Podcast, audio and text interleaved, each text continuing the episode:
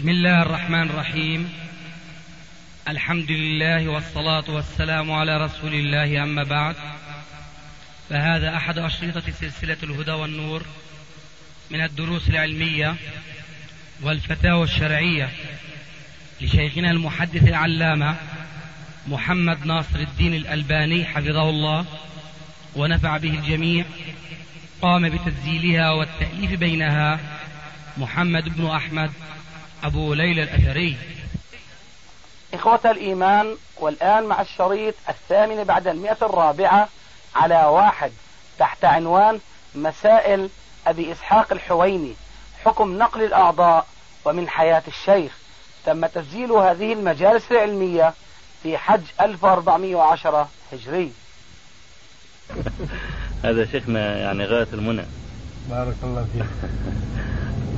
بالنسبة إن شاء الله لإخواننا في ال إخواننا الكويتيين يعني إن شاء الله حتى لو نذهب لهم يعني ربع ساعة أو كده لأن هيكونوا تجمعوا جميعا من جميع البنايات. دقائق المهم المهم يعني. يرى يروا الشيخ ويسمعوا.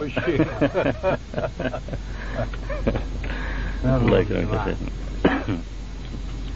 يعني هل يشق على شيخنا يعني نستغل فرصة الطريق ونسأل يعني بعض الأسئلة؟ لا لعل ذلك يريحني. جزاك الله خير.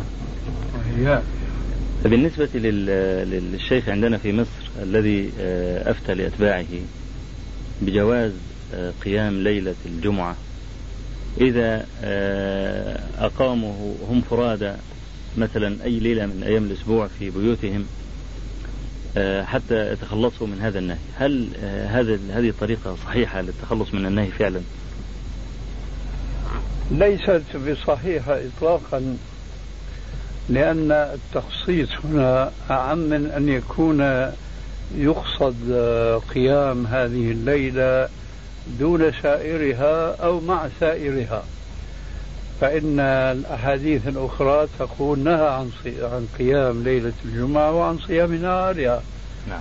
فهذا يعني تعطيل لمثل هذا النص العام أولا.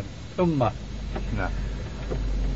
آه، من المعلوم أنه لا يجوز اللف والدوران والاحتيال على النصوص الشرعية.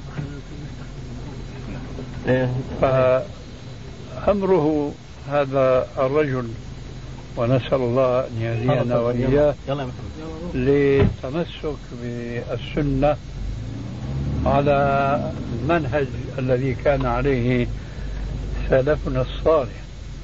فأمر هذا الرجل لأصحابه بأن يقوموا ليالي الأسبوع. أولا هذا الأمر فيه تشديد على أصحابه وعلى أتباعه. وإنما القيام الليل كما هو معلوم هو من النافلة.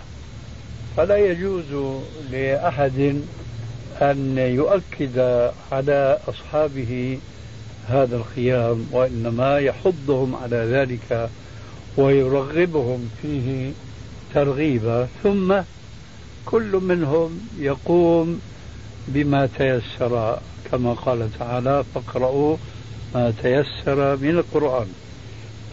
كل منهم يقوم بما يتيسر له عليكم السلام. دون أن يكون مرتبطا بنظام يعني نمشي إحنا يفرضه شيخهم هم- عليه.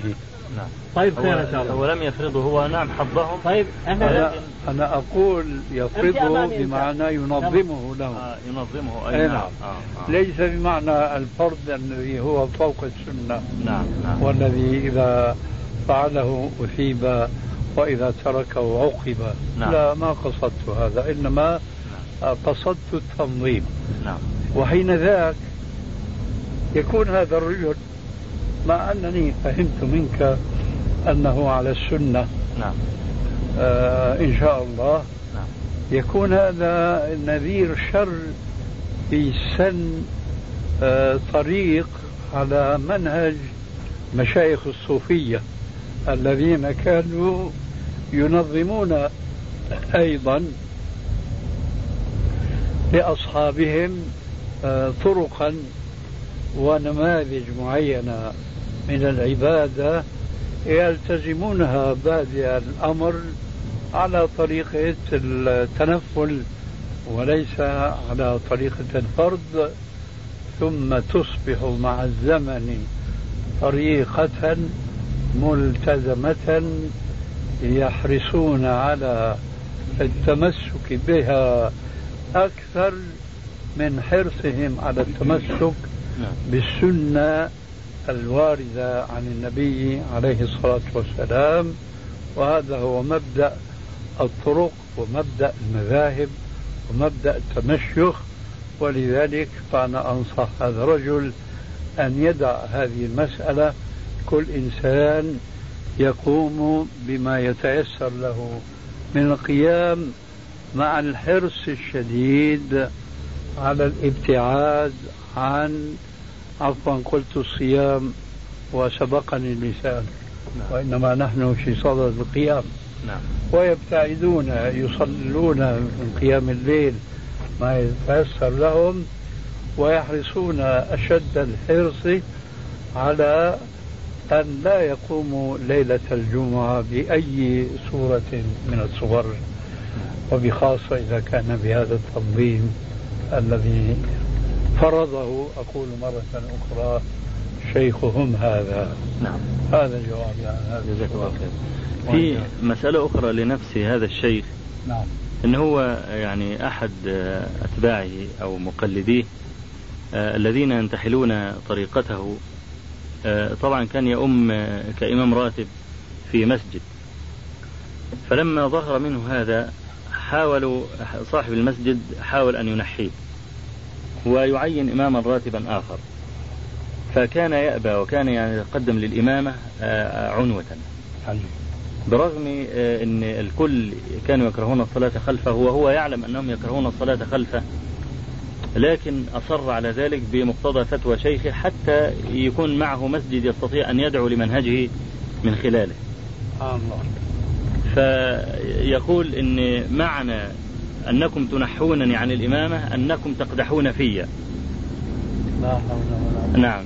فلم يترك فهل فعلا آه، لو أن رجلا آه، نصب إماما راتبا فأراد صاحب المسجد أن ينحيه وأن آه، يعني يجعل مكانه رجل أن هذا يعتبر من القدح فيه؟ وهل يجوز له أن يتمسك بالإمامة مع كراهية الناس له؟ لا يعتبر ذلك قدحا فيه أولا ولا يجوز له أن يؤم الناس وهم له كارهون.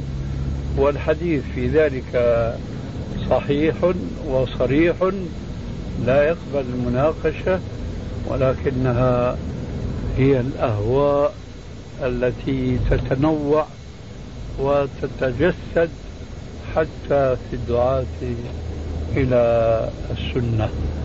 ونحن ننصح هذا الرجل أن يكون بعيدا عن التعصب لرأيه وصاحب المسجد له السلطان. والرسول عليه السلام يقول لا يؤم الرجل في سلطانه. فهذا صاحب المسجد له الحق أن يؤم وإذا كان يرى. أنه ليس أهلا للإمامة فذلك يكون من فضله ومن اعترافه بالحق ولذلك فهو يوكل وينيب غيره أن يؤم الناس في هذا المسجد فله السلطان في أن يولي من يشاء وأن يبعد من يشاء. لا شك والواجب عليه أن يلتزم أيضا هو في حد نفسه شريعة الله فلا آه، ينصب لهذا المسجد إماما مبتدعا ولا إماما جاهلا وإنما كما قال عليه السلام يؤم القوم أقرأهم لكتاب الله فإن كانوا في القراءة سواء فأعلمهم بالسنة إلى آخر الحديث فهو يختار من بين الذين يعرفهم من هو أقرأهم وأعرفهم بالسنة نعم. فله إذا الحق في أن يعزل هذا الإمام أو غيره نعم. وأن ينصب بديله ممن يرى أنه أهل للإمامة أولا ولدفع القالة القيل والقال ثانيا عن ذاك الإمام الذي أصبح بسبب تعصبه وتعنته مكروها عند جماعته الذين هو يؤمهم نعم. في صلواته. نعم. هذا رأي هو يقول يا شيخنا يعني لما قيل له يعني اتركها لله يعني لتأليف قلوب إخوانه قال أنا أتمسك بها أيضا لله. فهل هذا وجه؟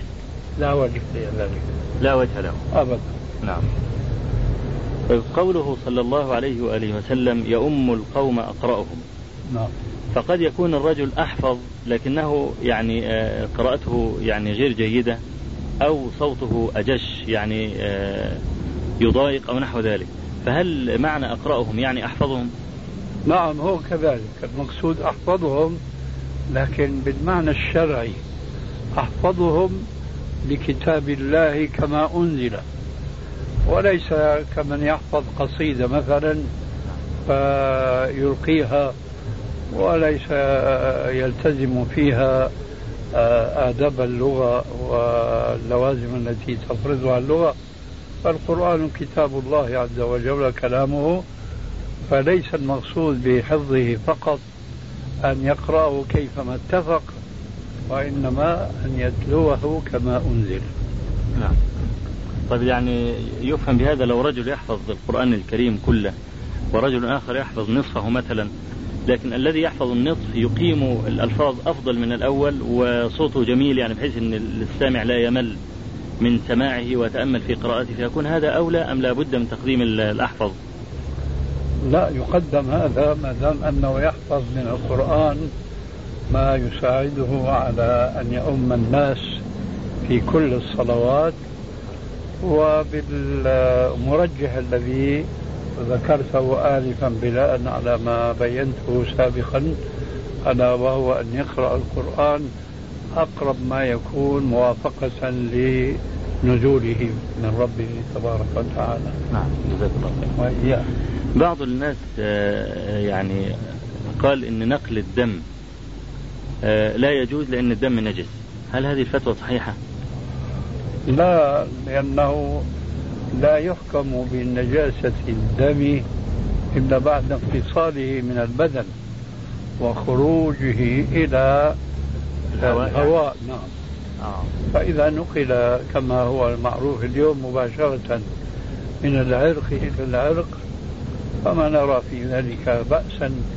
هذا إذا قيل بأن الدم المسفوح من المسلم هو نجس أما والراجح عندنا أنه طاهر بدليل صلاة السلف الصالح في جراحاتهم وبدليل قصة ذلك آه الأنصاري الذي رماه العين من المشركين مرارا حتى سالت الدماء من ساقه وهو مستمر في صلاته لم يقطعها هذه القصة معروفة. نعم. فلم يكن خروج الدم منه بالذي يحمله على إبطال الصلاة أو إفساد الوضوء. نعم. فإذا الأمر فيه ساعة حتى لو خرج الدم. حتى لو خرج الدم. أي نعم. طب يعني آه، سمعت لشيخنا فتوى في عدم جواز نقل الأعضاء. أي نعم هذا له مجال آخر لأنه نقل الأعضاء فيه تمثيل إما بالحي المتطوع أو بالميت المغتصب منه عضوه. نعم. ومن أجل هذا لا يجوز. طب كنت أريد يا شيخنا إلقاء الضوء على هذه المسألة. لأن يعني كان الدم طريق للمسألة وهل يعني يسوى بينهما؟ وما الفرق يعني بين آه، نقل جواز نقل الدم وعدم جواز نقل الأعضاء مع أن كلاهما نقل؟ صحيح. كلاهما نقل وكلاهما بيع. نعم. وبعضه جائز وبعضه ربا. فكون الربا اشترك في البيع لا يعطيني حكم البيع المباح. فهذا نقل وهذا نقل. نعم. ورجل ينتقل بطريق مشروع وآخر ينتقل بطريق غير مشروع. فلا يضر الاشتراك في جزء ما كهذا الاشتراك في النقل لأن العلة كما ذكرت لك آنفا إنما هي المثلة فقد قلت بأن نقل العضو من الحي المتبرع به هو مثلة به. ونقله من الميت فهو اغتصاب منه. لا يجوز فشتان بين هذا وذاك. نعم. لكن المثلى يا شيخنا يعني مثلا لو واحد ينقل الكلى نعم. أين المثلى؟ يعني المثلى يعني قد تكون لكل لكل جواب آه لكل سؤال جواب. نعم. لما قلت أنت نقل الأعضاء أنا أدرت الموضوع على ما فيه مثلى. نعم. فإنما أنت تحصر السؤال وتحدده بنقل الكلية مثلا نعم. نقول هناك بطريقة أخرى نعم. إن الله عز وجل ما خلق للإنسان كليتين عبثا وإنما لحكمة بالغة والأطباء يعرفون ذلك أكثر من غيرهم فلو تطوع الرجل بإحدى كليتين فمن الممكن أن يعرض حياته للهلاك لأنه قد تتعرض الكلية الأخرى لتعطل فتقوم الكلية الأولى التي تبرع بها بديلا عنها. ولذلك فلا يجوز كما لا يجوز تماما لو فرضنا إنسانا له يدان فيتبرع بإحدى يديه ولو بثمن باهظ. هذا بلا شك يدخل أولا هنا في المثلة وثانيا في تغيير خلق الله. وهذه العلة تشمل التبرع بإحدى الكليتين. ونحن نعلم من مناقشتنا لكثير من إخواننا الأطباء المؤمنين حينما سألناهم هل أنتم على علم بالنسبة لمستقبل الكلية الباقية؟ فها أنتم استأصلتم بعد فحص دقيق يجرونه على كل من الكليتين ويشترطون أن تكون سليمتين. فها أنتم استأصلتم إحداهما. هل أنتم على اطمئنان من أن الكلية الأخرى لا يمكن أن تتعرض لفساد أو لتقصير في القيام بوظيفتها؟ هذا التقصير قد يعرض صاحبها لشيء من الضرر أو الهلاك؟ قالوا لا. نحن نحكم بما هو الظاهر الآن فنقول هاتان الكليتان سليمتان. فإذا أذن صاحبهما بأن نستصل إحداهما فعلنا. أما أنه يجوز أن يعرض للكلية الباقية شيء من التعطل أو الفساد فهذا أمر واقع. ما له من دافع. أو أنه أمر قد يقع ولا نستطيع أن نضمن عدم وقوعه. وعلى ذلك حكمة الله تبارك وتعالى في خلقه كليتين هو آه، حكمة ظاهرة بالغة. لا يجوز لهذا الإنسان الذي تفضل الله عليه بهما أن يظن أن أن يتفضل بإحداهما على حساب الأخرى. نعم. هذا الذي ندين الله به. وخلاصة الكلام أن آه، التطوع بعضو من الأعضاء إما أن يكون ظاهرا ففيه علتان.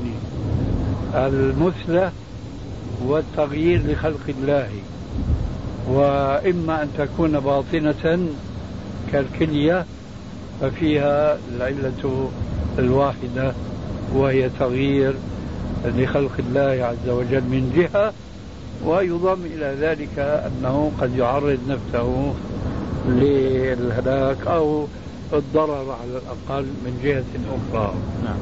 طب بالنسبة للميت يا شيخنا يعني هذا لو أوصى مثلا وقال ابني يحتاج إلى كلية أو إلى كبد أو إلى هذه الأشياء فإذا أنا مت فانتزعوا مثلا هذا العضو وأعطوه لولدي مثلا حتى يعني آه، يشفى مثلا من مرضه أو نحو ذلك فهل جائز؟ الجواب مما سبق وخلاصته أن نقول إنها وصية جائرة وباطلة لا يجوز تنفيذها لأن الميت إذا مات لا يملك أن يقول افعلوا أو لا تفعلوا في بدنه ما يشاء وبخاصة إذا كان ما يوصي به مخالفا للشرع كما قلنا آنفا نعم. صحيح أنه هنا الميت لا يتضرر ولكن أليس ذلك يتطلب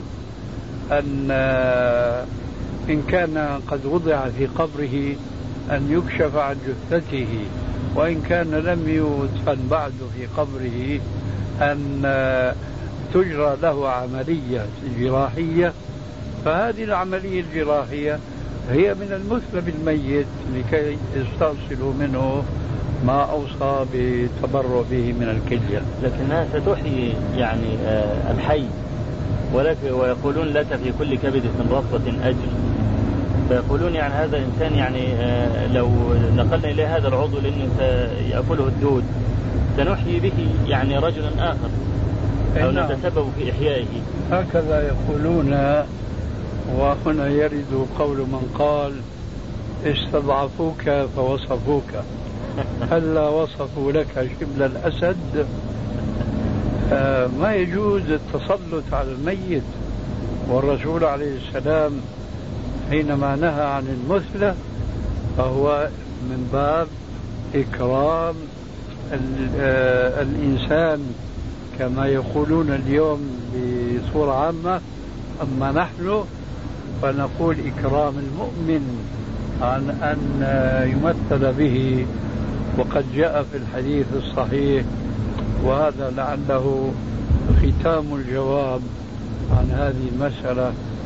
وهو قوله عليه السلام كسر عظم المؤمن ككسر ميت ككسره حيا. كسر عظم المؤمن الميت ككسره حيا. فإذا لا يجوز أن نعمل في عملية جراحية لاستئصال شيء من أعضائه وليكن الكلية.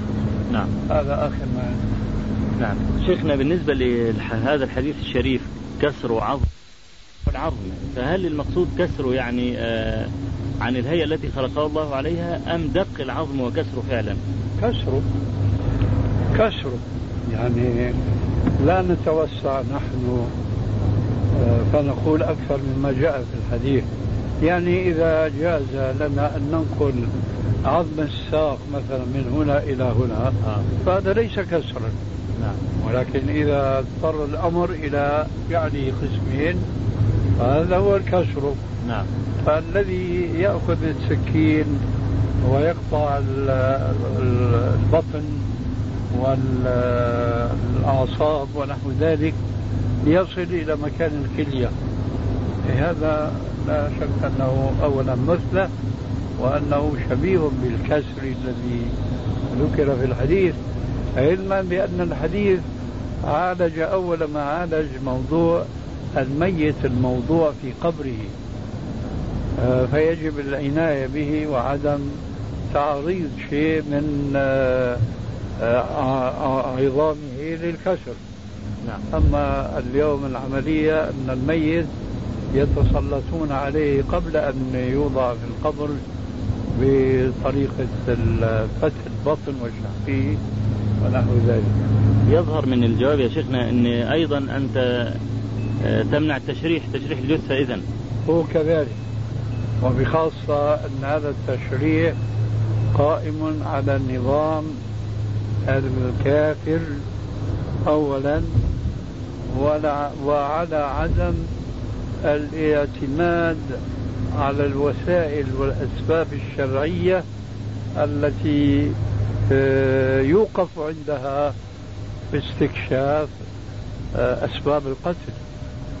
آه. ثم يضاف إلى ذلك أن ثمرة هذا الذي سميته التشريح. التشريح نعم آه، معرفة الجاني. ثم إذا ما وصلوا إلى معرفة الجاني لم يقيموا حكم الله عليه. فما فائدة هذا التشريح نعم. واضح جوابي؟ نعم لكن المقصود التشريح الطلبة نفسهم يعني يتعلمون آه، في العملية هذا أبعد عن الجواز لأن هذه مقدمة لتلك. آه. نعم. يعني إذا الصورتان ممنوعتان. أي نعم. نعم. آه، شيخنا في يعني رجل يقول أنا طبعا أقولها حتى يعني نعلم جواب الشيخ حتى يعني لا يستغلها. بعض أهل الأهواء. نعم. يقولون إن الشيخ يكثر من من قوله عندما يقرر الصواب في مسألة يقول الحق والحق أقول. أي نعم. فيقول فيقولون يعني يقول هذا إن الحق أقول أي لا أقول إلا الحق والشيخ يعني ليس بمعصوم فقد يقول غير الحق. ما شاء الله. نعم. فيقولون إنما يعني قال الله عز وجل أن الله تبارك وتعالى لا ينطق آه، إلا بالحق. فايه جواب الشيخ يعني؟ إيه، أنا لا أقول لا أنطق إلا بالحق لكني أقول إذا قلت أقصد الحق فلا أقول إلا الحق إيش في هذه؟ أنا لا أقول لا أقول إلا الحق بمعنى أني معصوم لكني إذا قلت أقول ما أدين الله به أنه الحق نعم. هذا هو الحق إذا قلت هذا هو الحق ما يعتبون علينا ما يعتبون علينا. طيب إيش الفرق بين هذا وبين ذاك؟ تأكيد الجملة الأولى. نعم. الجملة الثانية تأكيد الجملة الأولى. نعم. هذا هو الحق. والحق أقول. نعم. لكني لا أقول لا أقول إلى الحق لأن هذا يفيد الحصر ويفيد العصمة. نعم. وهذا ما لا ندين لأحد به إلا الأنبياء والرسل. عليهم الصلاة والسلام. نعم. آه شيخنا كثر في مصر عندنا آه هذا المثال. عندنا في الجيش إذا كان الرجل آه الولد وحيدا لأبيه أو أمه يعفى من التجنيد. فالناس الآن الرجل يذهب مع امرأته ويطلقها. طبعا طلاق أي كلام يعني مش مقصود طلاق. يثبت أنه طلقها في عند المأذون الشرعي حتى يقول إن الأم محتاجة إلى رعاية الولد فيخرج بهذا من الجنس. سؤالان. اولا هل هذا يجوز؟ وإن جاز فهل يقع الطلاق أم لا؟ مع أن الرجل لا يقصد الطلاق وإن كان دون في الوثائق الرسميه طبعا الطلاق يقع لا شك ولا ريب فيه. مع كونه لا يقصد؟ نعم. لأن آه، الطلاق كما تعلم آه، قسمان طلاق صريح وطلاق كناية نعم. والطلاق الذي آه، هو طلاق كناية ينظر فيه إلى القصد نعم. فإذا قال المطلق أنا ما قصدت الطلاق أدين بقوله وتبني قوله. أما إذا صرح بالطلاق فلا يسمع لنيته وقصده هو لم يصرح لكن المأذون سأله آه آه أنت يا تطلق؟ قال نعم. لكن ما كان يقصد اطلاقا. المأذون أليس قد سجل بناء على ما نعم جرى. انه إنه فعلا أنه طلق. نعم إنه طلق. هذا هو بل هذا ويوقع كل شيء. بل هذا أقوى. بل. هذا أقوى من أن يقول طلقتها هذا أقوى لكن أنا ما استوعبت الصورة أن رجل يطلق زوجته هذا الطلاق آه اللي نستطيع نسميه طلاق احتياج نعم آه لماذا قلت؟ لأن الجيش عندنا يعطي آه نستطيع نسميه طلاق احتياج. نعم. آه لماذا قلت؟ لأن الجيش عندنا يعطي الولد من التجنيد بحالتين إذا كان وحيد أبيه أو أمه أو إذا كانت الأم مطلقة عن الوالد آه أيوه. فيقول إن خلاص الولد يرعى أمه كرجل يعني. أيوه. فبهذه الصورة إذا يقدم إنه الوثيقة من مأذون أن يطلق المرأة فالولد يعطى من السجن اي نعم ولم يقع الطلاق اي لا شك.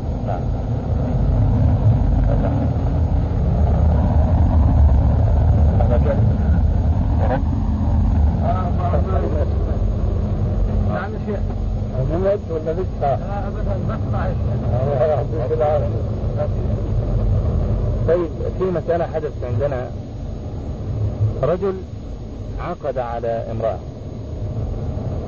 وبعدين في خلواتهم قبل العقد دخل بها. فحدث بينهما شجار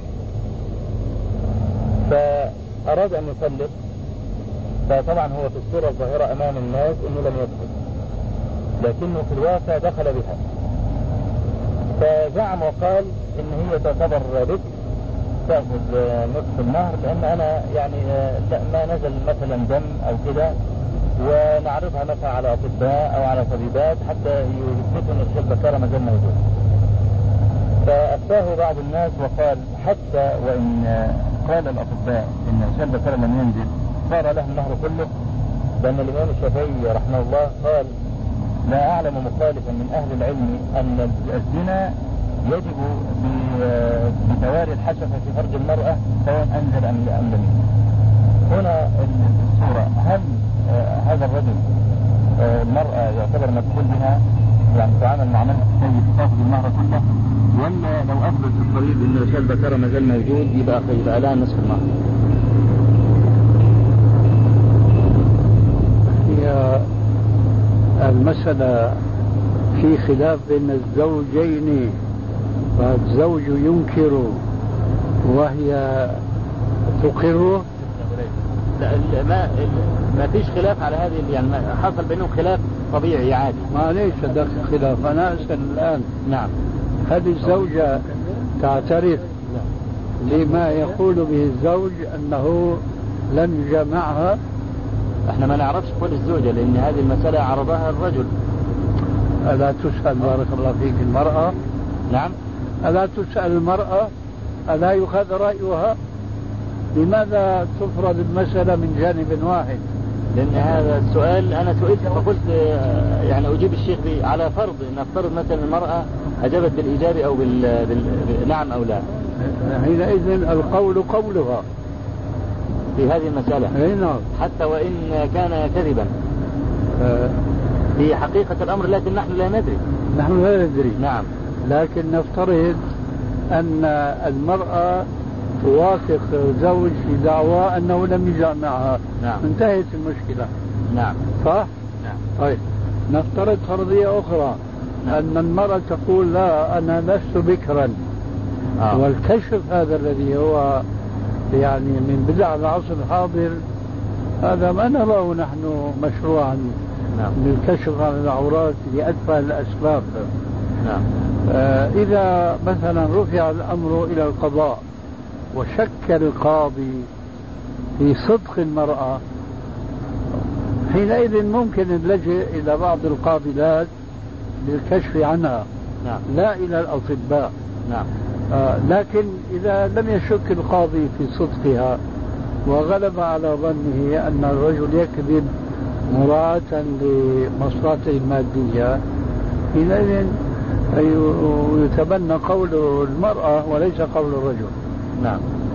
طب لكن الرجل لو قال لو جاء واعترف وقال أنا أولجت فعلا هل هنا آه، حتى لو آه، أثبت ال- ال- ال- الطبيبات أن الغشاء ما زال موجود قد يكون مطاطي أو نحو ذلك هل آه، يبقى يجب على ال- الرجل أن يدفع النهر كله؟ لا شك. بهذا. لأنه ذاق عسيلتها نعم. ها؟ نعم. هذا هو. نعم. يعني لو نزل الموضوع فينا يسحب كل ما فيه. الله يقوي يعني كنا بنجيب على هناك والله والله يا شيخ أنا لو لو أفلحت في هذا لافلحت جد الفلاح. حتى ما الشيخ واستأثرت الدنيا عليه. ولكن سامح انك انت مالك مالك مستعد. لا. لا. مالك مستعد. لمن؟ لأنه ما عندك مسجل أما السؤال الذي طرحه هو فلا نسجله نعم السؤال. أما السؤال الذي طرحه جمال فلا نسجله عليه وإنما نسجل مقصوده منه. نعم. هو يسأل أن التهليلات التي فعلتها الليلة بعد صلاة المغرب هل هي ثابتة عن النبي صلى الله عليه وآله وسلم؟ فبدأت أجيبه بشيء من التفصيل فقلت نعم ذلك ثابت ولو لم يثبت عندي لما رأيتني فعلته. وقلت كنت قديما آه، أقول بصحة حديث التهديدات العشر بعد صلاة المغرب وبعد صلاة الفجر دون قيد قبل أن يثني رجليه. ثم وجدت لهذا القيد شاهدا تقوى به الحديث الذي في إسناده شهر بن حوشب فبدأت ألتزم هذا القيد مع التهليلات العشر. فلما صليت الليل بكم إماما ما توجهت إليكم لأنني لم أكن عازما على البقاء كثيرا لأننا على سفر. فأتيت بالتهليلات العشر قبل أن أثني رجلي فلما انتهيت منها قمت وانصرفت خارجا من المسجد. هذا هو جواب لا أقول جواب ما سألت وإنما جواب ما قصدت من السؤال. وهي؟ طيب سمعنا سمعنا قولا عنك. وإن شاء الله هو ثابت. إن شاء الله هو إيه؟ هو ثابت. آه. عنك وهو, وهو أنك لا تجيز لمن أراد أن يأخذ عمرة مرة ثانية أن يخرج إلى الميقات ما لم يكن في حكم عائشة رضي الله عنها. إن كان ميقاته خارج مكة. تقصد بالميقات يعني تنعيم. نعم التنعيم. نعم. التنعيم ليس من الميقات أنا ما أقصد ميقات التنعيم أقول من كان ميقاته خارج مكة. تقول نعم. آه انتبه. مشينا لك أول واحدة بتقول لنا مش نمشي لك هذه سجلت مع الاسف سجلت نعم. أنا أقول إنه لا يشرع لمن حج أن يأتي بالعمرة بعد الحج من التنعيم. لأن ذلك لم يكن من عمل السلف. هذا من جهة ومن جهة أخرى لأن العمرة بعد الحج وسيلة لصرف الناس عن العمرة المشروعة بين يدي الحج وهي عمرة المتعة. فإن الناس يستريحون إلى العمرة بعد الحج لأنه لا يكلفهم لا مادة ولا صياما. ويظنون أنه حينما يعود إلى بلده يعود وقد جمع الله له في سفرة واحدة بين حج وعمرة. هذا إنما يصح أن يقال في عمرة الحج وليس في عمرة الحائض. واضح؟ نعم. طيب. ولكن كيف خصصتها يا شيخ إذا قلنا وهل كان وهل طلب أحد من النبي صلى الله عليه وسلم أن يأخذ عمرة أخرى ومنعه النبي صلى الله عليه وسلم من ذلك؟ لا هذا شيء آه، لا نعرفه.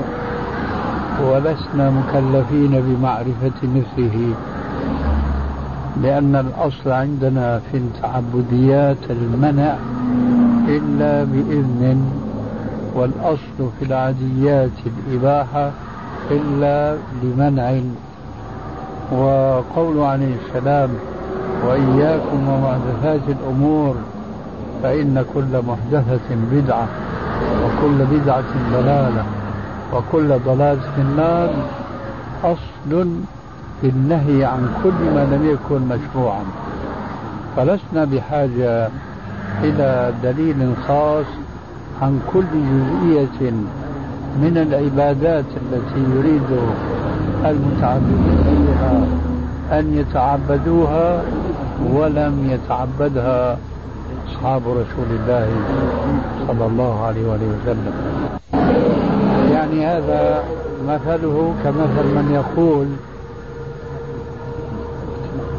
إيه أنتم بتقولوا أنه الزيادة بعد الأذان بدعة. هل سمع النبي أحدا يصلي بعد الأذان ونهاه عنه؟ هذا مثل سؤال. نحن نقول لسنا مكلفين أن نصور لكم مثل هذه الحادثة. ونقول نعم نهى عنه الرسول عليه السلام لأننا في غنى عن مثله آه، اكتفاء بالقاعدة الشرعية وهي كل بدعة ضلالة وكل ضلال في النار. ولولا هذا لصارت كل البدع سنن مشروعة لأنها داخلة في عمومات داخلة في عمومات العبادات. فالعمرة مثلا عبادة والصلاة على الرسول عبادة. فمن يخصها بمكان ما هذا التخصيص بدعة ترد العبادة بسببها. لقول عليه السلام من أحدث في أمرنا هذا ما ليس منه فهو رد. طيب بالنسبة لجينا في العبادات والبدع هل يجوز أو صح أو ورد شيئا في رفع اليدين في الدعاء عند المقابر؟ عند زيارة المقابر؟ زيارة المقابر أو للميت عندما قال النبي صلى الله عليه وسلم ادعوا لصاحبكم أو قال سألوا له الثبات فإنه الآن يسأل. هل جاء رفع يدين أو يجوز رفع اليدين؟ هنا هنا لم يرد.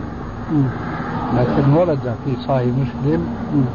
أن النبي صلى الله عليه وسلم لما كانت نوبته عند عائشة وخرج من الحجرة وتبعته عائشة فهو يمشي وهي خلفه حتى وصل البقيع فقام ورفع يديه ودعا.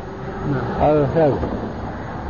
أما في خصوص استغفروا لأخيكم وسدوا له التثبيت فإنه الآن يسأل لم يرد رفع اليدين في هذا المكان قلت وقد أجبتك عن سؤالك. جزاك الله. خير طيب بالنسبة آه. طيب كان لنا سؤالا قديما في سفرتك الأولى والآن تذكرناه. وانقطع وانقطع وانقطع الجواب أظنه بمكالمة فانقطع تماما. ألا وهو لبس الساعة. وذكرنا لك حديثا أنه حلية أهل النار فتوقفت عند حديث وأتت المقاطعة في هذا الجواب. فما ترى في هذا إيش هو؟ لبس الساعة. نقول لبس الساعة اليدوية. فاهم بدي أفهم اللفظة. إيش تقول؟ الساعة مش الساعة قبل الحديث الساعة الحديث. نحن استدلينا لفظة واحدة أشكلت علي من كلامي. حلية أهل حلية حلية أهل النار؟ يقول الساعة في قبل الساعة كلمة. أنا قلت الساعة. لبس الساعة. لبس الساعة. لبس ها لبس هي الساعة. كلمة لبس الساعة. طيب. ما بالها؟ ما ترى فيها. وهذا الدليل الذي بين يدينا. وهو آه، حلية أهل النار ما هو؟ عندما قال الرجل الرسول صلى الله ما عليه هو وسلم حلية أهل النار؟ الحديد يا أخي اذكر فما أذكره نصا الآن. ولا أجيبك عن ماذا؟ أنت تذكره أكثر مني يا شيخ. الحديد يقول حلية حلية أهل النار عندما جاء الرجل الرسول صلى الله عليه وسلم ورأى الرسول في يده آه، خاتم من حديد. ولماذا تقول لا أذكر؟ ها أنت ذاكر. بالمعنى حتى لا نخرم حديث الرسول معليش أنت إذا جئتنا بالمعنى مثلي أنا إذا جئتكم بالمعنى فجزاك الله خيرا. أما اللفظ فلسنا مكلفين به. يكفيك المعنى. طيب. طيب. هذا هو المعنى. فما هو المعنى؟ المعنى أنه قال الرسول صلى الله عليه وسلم جاء الرجل. جاء الرجل وفي يده وفي يده خاتم من حديد. طيب. فقال اطرحه فإنه حلية أهل النار. أو قال أو كما قال صلى الله عليه وسلم. وأليست الساعة قياسا على ذلك؟ حديد؟ هذا حديد بلى حديد نعم هل هذا خاتم؟ وهل هو خاص بالخاتم فقط؟ ولا هو عام؟ لأنه حلية إيش حلية؟ ما, ما هو وسلم الحلية؟ حلية ما هو الحلية؟ أيضا أيضا يطلق عليها حلية الحديث أخي الحديث يقول الخاتم. خاتم يقصد الخاتم فقط؟ ولا يقصد هو الحديد قال كل حلية من الحديد هو حلية أهل النار هل أعطاك هذه الكلية؟ نعم ولا هو بيتكلم عن خاتم ال- الحديد. أليس أيضا يوجد مثل هذا الحديث؟ إذا كان من النحاس أو من الصفر تعرف هذا ولا نعم، لا؟ نعم. طيب فإذا لا يجوز أيضا الصفر يعني النحاس. إذا هذا غيرناه لسلسلة من نحاس. أيضا لا يجوز. إذا ما الذي يجوز؟ الذهب حرمتموه علينا. ها؟ الحمد لله. والس- وال- والصفر. والصفر كذلك. نعم. والحديد كذلك. ماذا بقي؟ بقي اللستك. لستك. وغيره لا يجوز. انه قال حليه ونحن نقصد ونحن نذهب إلى المعنى إلى الحديد ليس إلى الخاتم فح- فحسب. هذا أي شيء تتحلى به؟ هذا وهذا أنا ونرى انه هذا الآن في زمننا هذا أنه حلية. لاختلاف مص- مصنوعتها وزخرفتها. الله- يهديك. آمين. لقد أخذتم أماكننا وأخذنا أماكنكم. الرجل العربي لا يفهم هذا العموم. هذا حلية أهل النار. هذا الخاتم من حديد حلية أهل النار. العربي لا يفهم أنه كل حديد يكون حلية فهو حلية أهل النار.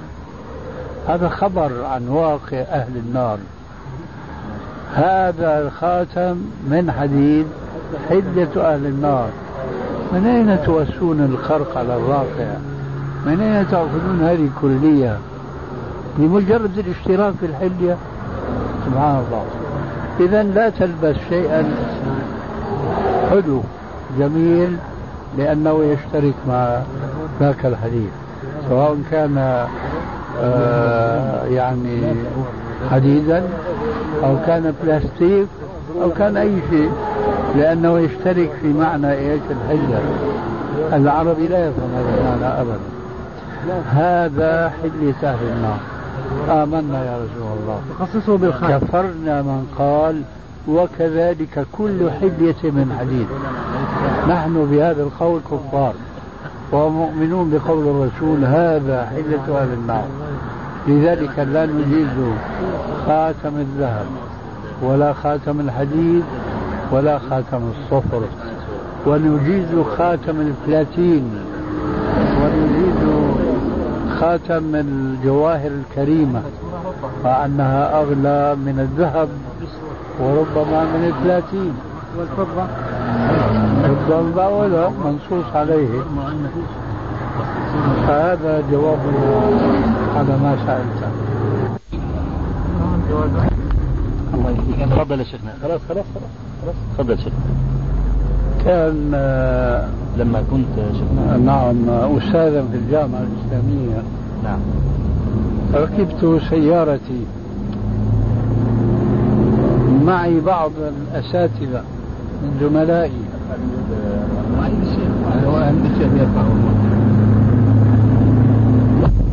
ويمنت شطر خيبر.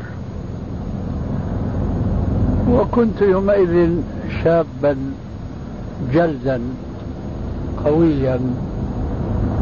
وكان من عادتي أنني أتغنى بالقرآن الكريم. وأنا أقود السيارة. كما يقولون عندنا بالشام تجلى علي الباسط. وأخذت أقرأ من سورة يوسف. قبيل أن أصل إلى هذه الآية فالله خير حافظا وهو أرحم الراحمين. كان في عندنا آه مطلع. أي نعم. صعود هكذا. طريق معبد. ثم هبوط بسيط وإذا بي مفاجأ بأن حجارة من الجبل مطل على الطريق. وصخور قد انهارت على الطريق. آه، ما اكتشفناها لأنها فاجأتنا بالنزول.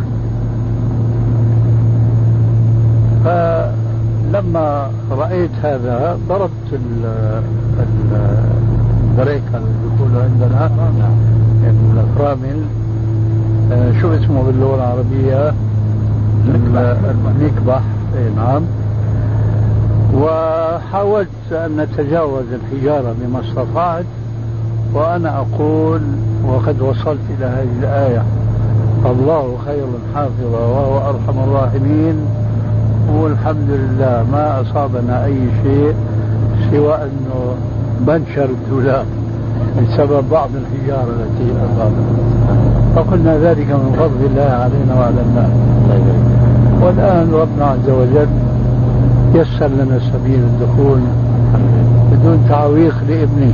الحمد لله. والحمد لله. الحمد لله. فرصة فرصة شيخنا بقى يعني نسمع يعني بعض التجارب الحياتية اللي فيها عبر. يعني هذه تصلح في ترجمة الشيخ. أي نعم. جزاك الله خير. الله يبارك لأن فعلا في المرة الأولى لما يعني سجلت معكم ترجمة كنت يعني الباب هذا الباب اللي هو باب الأشياء اللي بتحصل في الحياة. كان مهم جدا ما سجدت ثغرة فيه يعني. ففرصة إن شاء الله يعني فضيلتك يعني تتذكر هذا بالمناسبة. نعم. هات معي لحظة شيخنا. هذا خلص. خلص أرض